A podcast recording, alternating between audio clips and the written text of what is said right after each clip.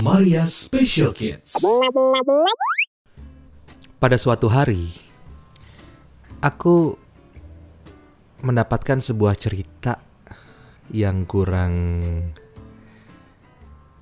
kurang enak di kuping, Hmm, apa tuh? ya. Ada seorang sahabat yang menceritakan tentang sahabatnya, ya. Ini eh, pasangan suami istri ya. Mm-mm, Jadi istrinya ini curhat ke temanku. mm-mm. Dia sempat berkonflik dengan suaminya Mm-mm. karena mereka melahirkan seorang anak yang berkebutuhan khusus Oke, yang pada akhirnya didiagnosa autism. Oke. Konflik itu terus berkelanjutan sampai akhirnya suami istri ini memutuskan untuk pisah rumah. Dalam tanda kutip, aku nggak tahu mereka bercerai secara formal atau resmi atau enggak, Mm-mm. tapi dengan alasan tertentu si suami ini meninggalkan istrinya. Wow. Dan si istri ini akhirnya membesarkan buah hatinya ini dengan penuh perjuangan sendirian. Oke. Dan masih panjang ceritanya, cuman eh, yang mau aku tegaskan di sini ternyata ada ya problem yang muncul karena ketidaksiapan orang tua untuk menerima keadaan buah hatinya yang mungkin pada waktu itu tidak sesempurna seperti yang mereka bayangkan. Iya, itu tantangan sih buat Gimana? pasangan ya.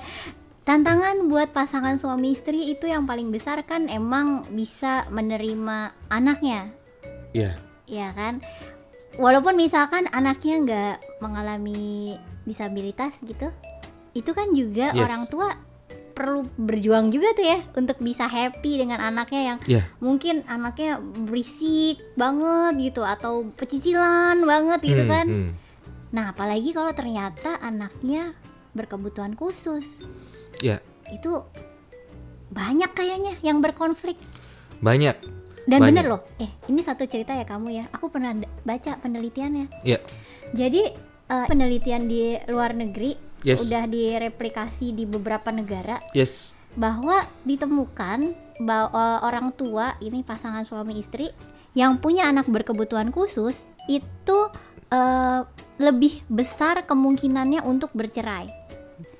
Gitu. Oke. Nah, terutama yang kondisi kebutuhan khususnya tuh yang ada di hambatan perkembangan kayak autisme, terus eh, anak-anak disabilitas intelektual gitu. Jadi yang memang secara perilaku sosial terus eh, kemampuan berpikir tuh berbeda gitu. Yes.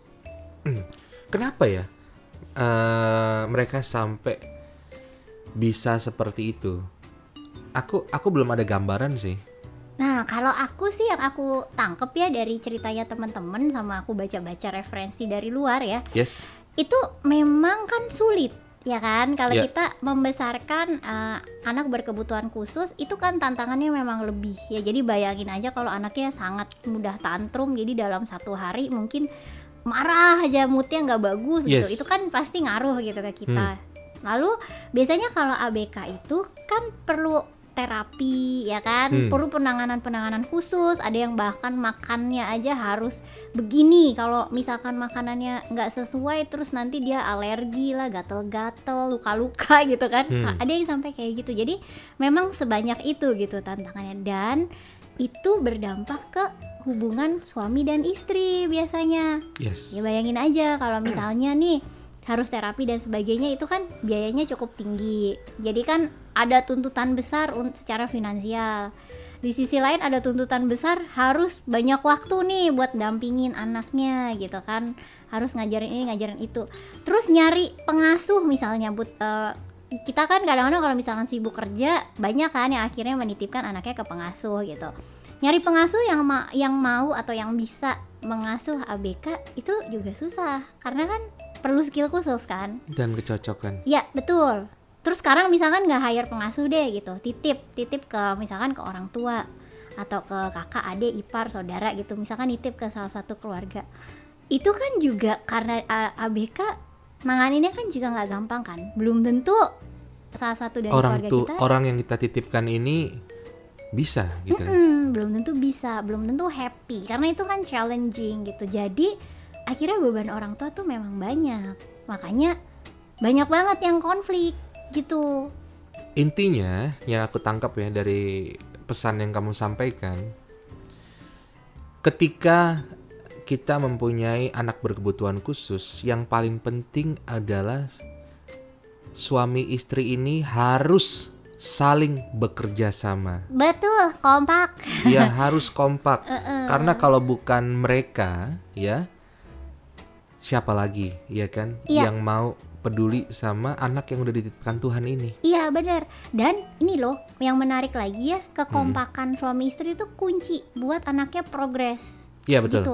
Jadi kalau misalkan kita ketemu uh, anak-anak di tempat terapi, tempat terapi itu salah satu tempat yang paling gampang untuk kita ngelihat progres anak tuh. Soalnya biasanya mereka kan punya Yes. catatan ya. Hmm. Jadi di tempat-tempat terapi yang anaknya progresnya cepet dan bagus, itu ternyata relasi orang tuanya bagus, gitu kan Hmm. bunyi anak. Iya. Nah, terus terus. Anak-anaknya eh anak-anaknya eh, orang tuanya suami istri kompak gitu kan supportnya bagus kompak gitu saling kerjasama dengan baik gitu kan terus Yes. kalau ada masalah mereka bisa solve the problem bareng-bareng gitu nah terus sama satu lagi ada penelitiannya juga nih waktu itu salah satu mahasiswaku juga sempat meneliti to- topik ini nih Apa tuh? untuk uh, anak-anak yang progresnya bagus itu tadi gitu yang um, suami istrinya ini udah bertahan biasanya kan kalau nikah tuh ada fase-fase ini loh um, Hmm. lima tahun pertama paling menantang gitu Hmm, kan hmm. terus nanti ada fase bosen gitu ntar kalau anaknya udah remaja tuh biasanya kualitas pernikahan naik lagi gitu nah